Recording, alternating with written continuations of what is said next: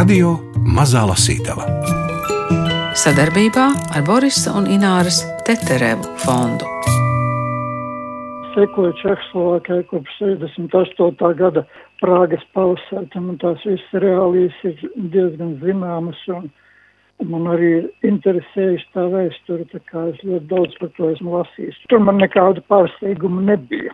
Drīzāk tur dažādas problēmas ar to pašu labs audzināšanu, to kā labs ceļoju Sibīri un kādiem zvēriem viņi tur satikās, un tas, kas notiek ar lapu Sibīrijā, tā nu ir galīgi, galīgā fantastika, un tur, tur nu ir visādi joki, protams, kas bija mazliet sarežģītāki.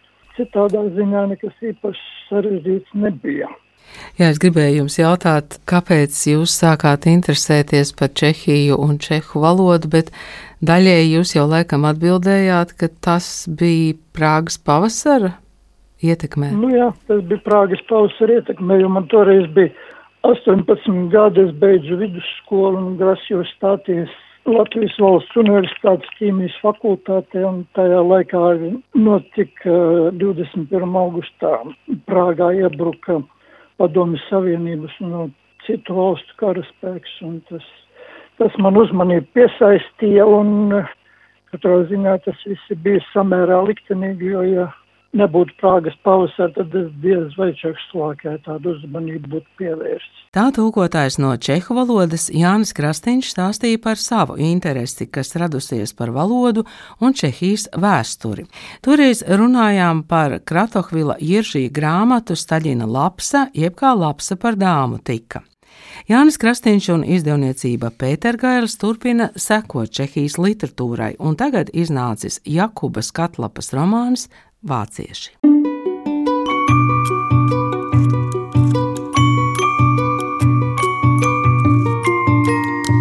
Radio Mazā Lasītava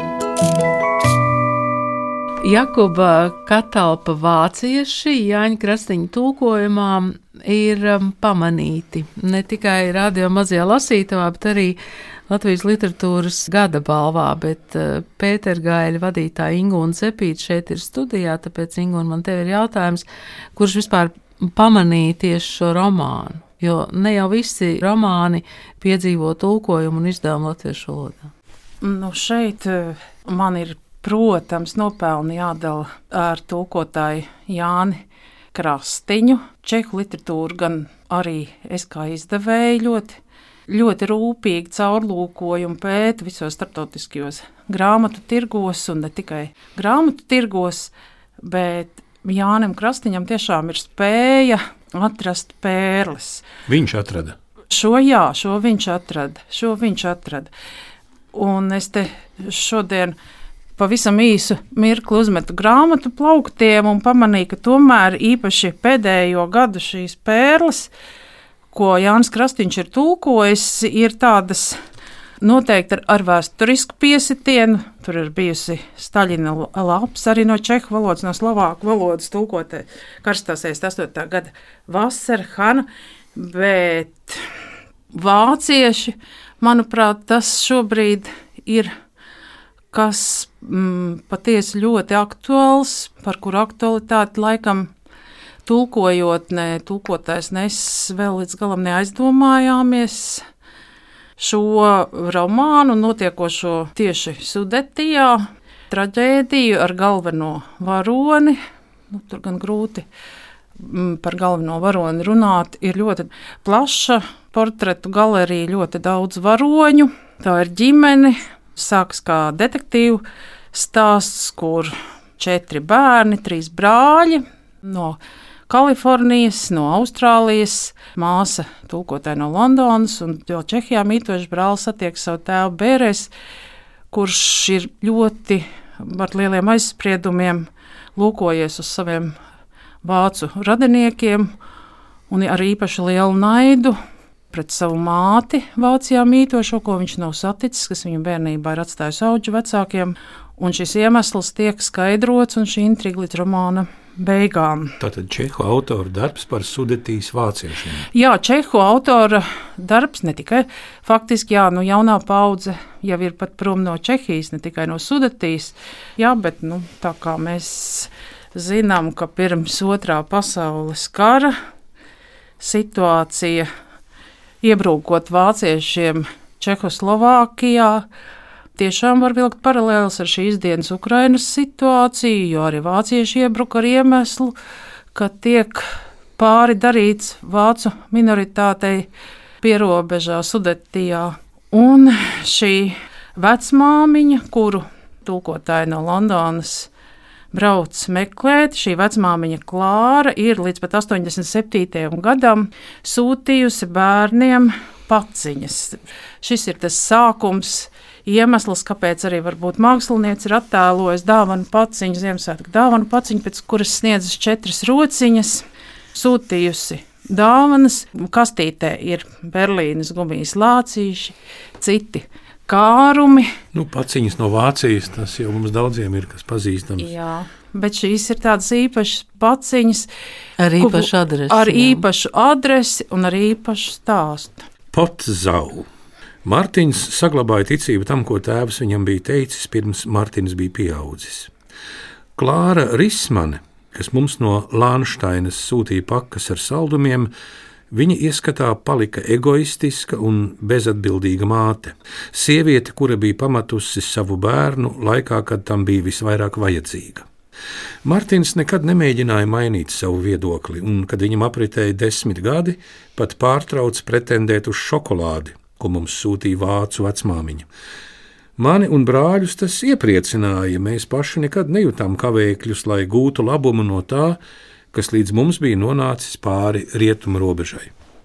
Paciņas no Klāras Rismanas pienāca uz mūsu vecmāmiņas Hedvigas Māleres adresi kopš 40. gada beigām.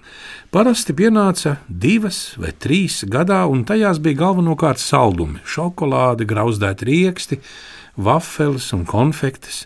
Dažreiz vecmāmiņa bija pievienojusi krāsojamās grāmatas, zeķes vai apakšveļu. Kad tēvs bija mazs, viņš uzskatīja, ka tās sūta kāda tālīna radiniece, un tikai pieaudzis uzzināja patiesību. Paciņas sūtīja viņa māte, sieviete, kuru viņš nekad nebija redzējis. Hedviga Mālere, kuru viņš līdz šim bija uzskatījis par savu māti, izskaidroja viņam, kā viss noticis.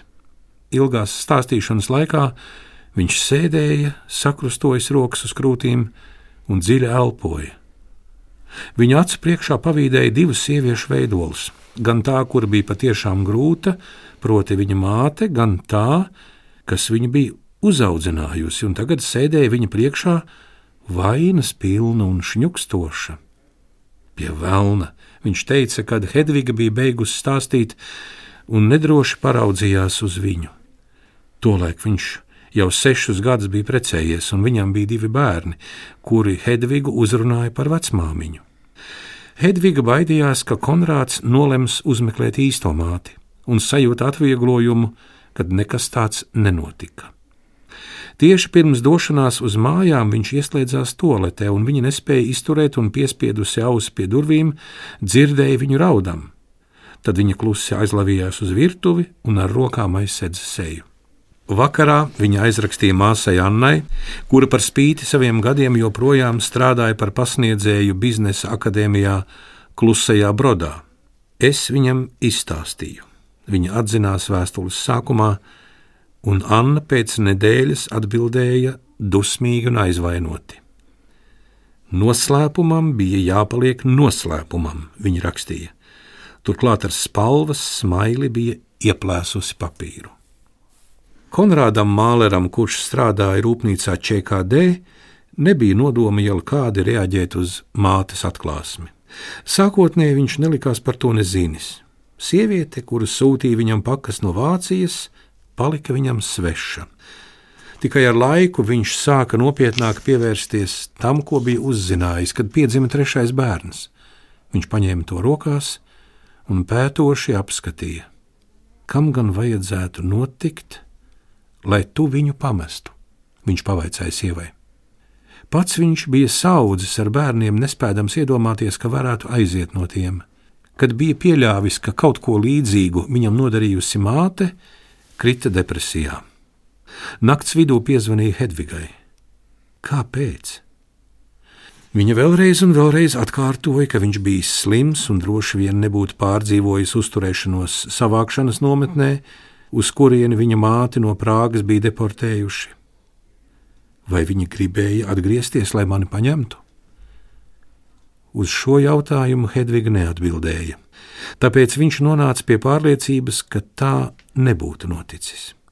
Nodomāja, ka māte Vācijā ir izveidojusi jaunu dzīvi. Visticamāk, viņai bija citi bērni, un viņš starp tiem neiederējās.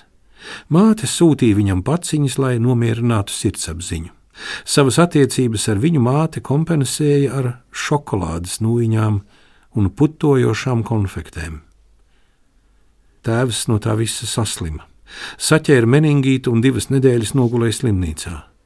Sapņos rādījās vācu māte un raibus suņu bars, Uzmodies no drudžaina miega, atklāja, ka pie gultas sēž Hedviga un slauka viņam muti.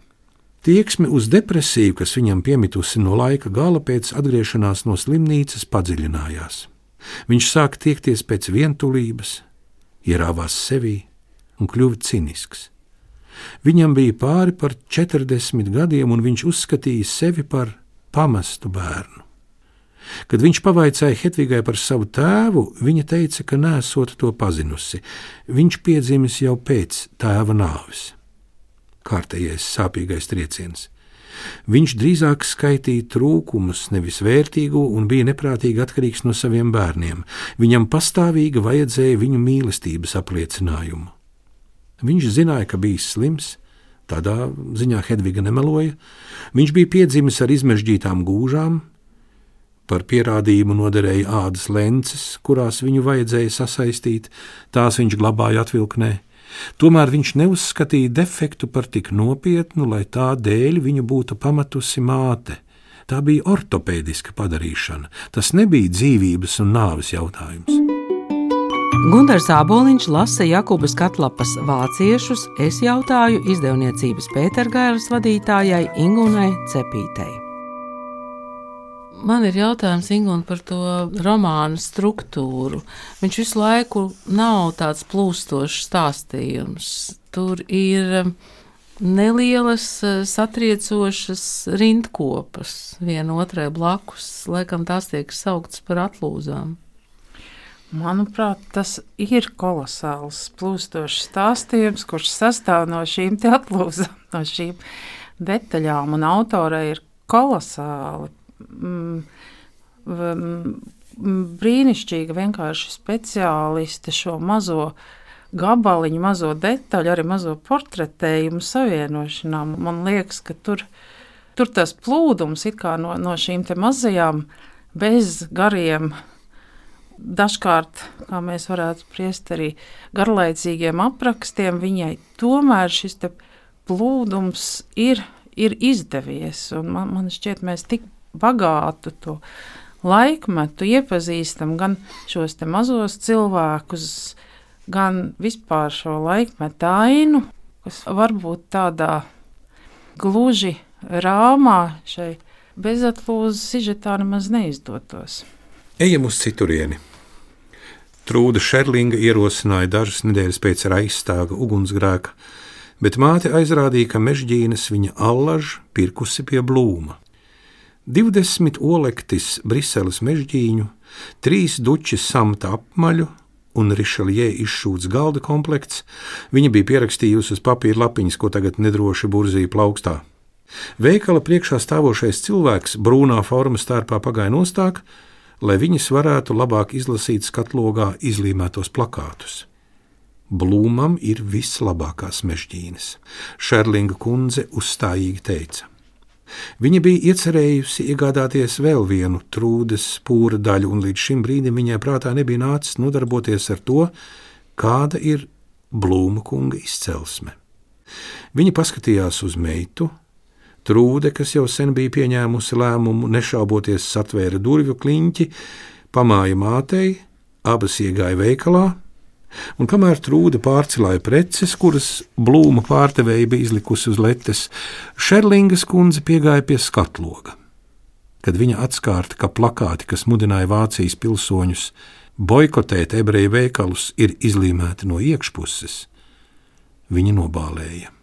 Viņa nespēja iedomāties, kurš būtu varējis piespiest Blūma kungu izlīmēt skatlogā kaut ko tādu.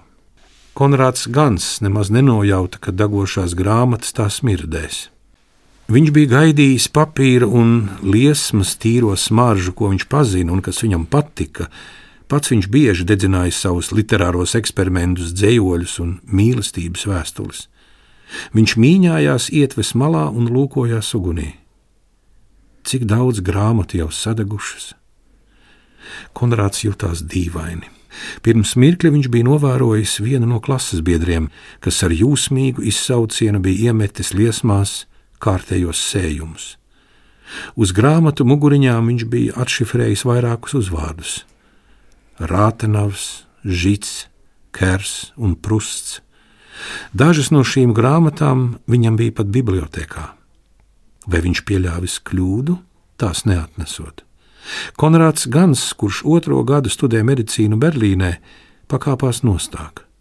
Viņš blenza uz liesmu pārņemtajām grāmatām, un pēkšņi bija pārliecināts, ka ugunīgās mēlis, kas ceļas debesīs, ir kaut kā diža apsolījums. Piecus mēnešus pirms tam, kad Bernadette Subirū, kam Lurdā bija parādījusies jaunava Marija, bija pasludināta par svēto, Japāņu inženieris Šimizu konstruēja automātisko šauteni. Bernadette Subirū, 165 cm, tumši mati, aitu gane, bija redzējusi jaunavu Mariju kopumā 18 reizes. Automātiskā šautene, ko bija salicis kopā inženieris Šimizu, 168 cm, tumši mati, uzņēmuma Tokyo Gāzes and Electric darbinieks, spēja izšaut tūkstošu šāvienu minūtē. Gada beigās Klāra saskaitīja vārdus, kurus līdz šim bija pārmījusi ar noslēpumaino vīrieti vilcienā.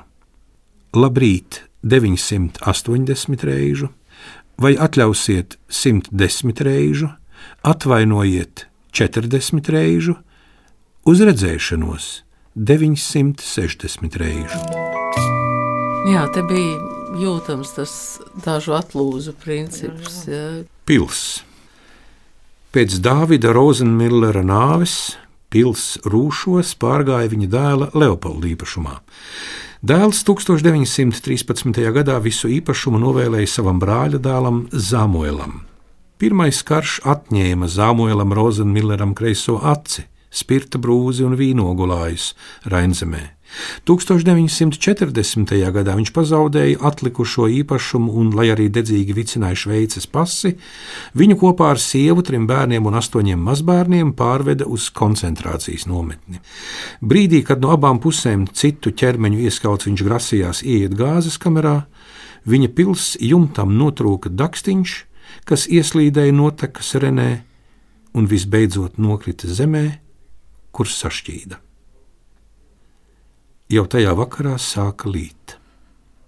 Rasnās aprīļa lietus vērpetes pa izkritušā dakstiņa caurumu iekļuva bēniņos, atrada ceļu starp sijām, un trīs dienas pēc tam, kad Samuēls Rozenmillers un viņa atlikusī ģimene bija pārvērtusies pelnos un dūmos, uz pilsētas bibliotēkas grīdas sāka krist pirmie pilieni. Gadu vēlāk parketa grīda bibliotekā izžulga, Sienas pārklāja pelējums, un grāmatas atgādināja ar zaļu sūnu apaugušus akmeņus. Pils, kas kopš 1938. gada bija Vācijas saimnieciskās pārvaldes īpašumā, gāja postā. 1939. gadā to apmeklēja rajona filiāles sekretārs, kas aprakstīja vērtīgo apmēbelējumu, godprātīgi uzskaitīja visas medību trofejas, Bibliotēkas saturu, tostarp seno karšu kolekciju, pieminēja vienā teikumā. Drīz pēc tam ieradās pārvadātāji un pili iztukšoja. Taču bibliotēkai pat nepieskārās. Pīli 1941. gada vasarā apmeklēja Emīls Vaismans. Viņam bija pašam sava atslēga, jo sieva kādreiz te bija par apkopēju. Vaismans uzkāpa bēniņos, ar dēļa gabalu aizbāza caurumu jumtā un apmierināts smaidīdams paplikšķināja pa skursteņiem, kas cauri jumta konstrukcijai stiepās uz debesu pusi. Augustā viņš mēģināja bērniņos izžāvēt pirmo ārstniecības augu porciju. Augi, no kuriem viņš gatavoja tinktūras un ziedas, izžuva daudz ātrāk nekā tad, ja tos izkarināja savos bēniņos. Tā nu viņš atnesa piestu, spirta pudeli un divas lampas, un sāka izžāvētās zālītes apstrādāt. Pilsētas teritorija viņam bija droša līdz pat 1943. gadam, kad pēc Jāņa Kristītāja svētkiem klusā broda saimnieciskās pārvaldes direktors saņēma vēstuli no Dresdenes kartogrāfijas institūta. Pēc izlasīšanas viņš nolika to blakus uzasinātu zīmuļu rindai un stikla papīra presei, pacēla tālruņa klausuli un lika savienot ar skolu inspektoru Malki. Hugo Melmans atbrauca uz kluso brodu ar diviem teļādas koferiem ar salocītu avīzi padusē un kreisajā ausī iebāztu spirtā piesūcinātu vatas tamponu. Kāds viņam atklājis, ka spirta garaiņi varot izdziedināt kurlumu, un Melmans bija kurls ar kreiso ausi jau divus mēnešus kopš Dīsburgas pēdējās bombardēšanas. Hugo Melmans strādāja Dresdenes kartogrāfijas institūtā un bija viens no darbiniekiem, kur aprūpē bija seno karšu kolekcija. Uz rūšiem viņa nosūtīja priekšnieks Rolfs Kampfmejers, kurš kopš paša kara sākuma zināja, ka Davidam Rozenmilleram bija izdevies pilī savākt pieklājīgu karšu kolekciju. Taču ilgu laiku pievērus to acis. Kad viņš negribīgi nolēma kataloģizēt Rozenmillera kolekciju, bija jau par vēlu. Lielākā daļa karšu bija pievilgusi un sapelējusi. Taču to Kampfmejers nenojauta, un kad prātoja, kurš ar šo nepateicīgo uzdevumu tiktu galā vislabāk, viņam ienāca prātā tieši Melmans. Kalsns, centīgs ierēdnis, ar mūžam izbiedētu seju un biezām brillēm. Kampfmejers satikās ar viņu ikvienā partijas sapulcē. Melmans uz tām nesāja līdz piezīmi grāmatiņu, kurā rūpīgi pierakstīja visu, par ko runāja. Melmans bija viduslaiku karšu pārzinātājs. Viņš par tām labprāt pat lekcijas universitātē lasīja, un kartogrāfijas institūtā iestājās kara sākumā, pēc tam, kad iesaukšanas komisija bija nospriedusi, ka bez brillēm viņš patiešām ir akls kā apgalvo. Kampfmejers bija redzējis Melmanu bez brillēm tikai vienu reizi, 42. gada maijā, kad Vācu armija bija ieņēmusi Harkovu. Viņa nobiedēja tas, cik pietūcis un tuvredzīgs izskatās Melmans, un pamanījis, ka viņam no acīm plūst asaras, viņš uzlika tam uz pleca roku, uzskatīdams, ka padotais ir vācu uzvaras aizkustināts. Melmans neiebilda, un tikai pēc dažām dienām Kampfmeieram uzaus apskaidrība, ka izkāmējušais ierēdnis nav raudājis vis no prieka, bet gan no sērām, jo līdz ar pilsētas vēsturisko centru bija izdegusi arī biblioteka, kurā glabājās viena no vissenākajām viduslaiku kartēm. Jakobas Katlapas romānu ar atlūzām vācieši no čehu valodas tulkojas Jānis Krastīņš, izdevis Pēter Gailis. Lasīja Gunārs Āboliņš, raidījumu veidoja Agita Bērziņa, Nora Mitspapa un Ingvilda Strautmane. Un vienā no pēdējām grāmatas lapusēm lasāms teikums. Tikai daudz vēlāk es sapratu, ka tas, ko mēs ar ģertrūdi bijām izpētījuši, bija zaudējumu geogrāfija. Jakuba Katalpa, Vācieši.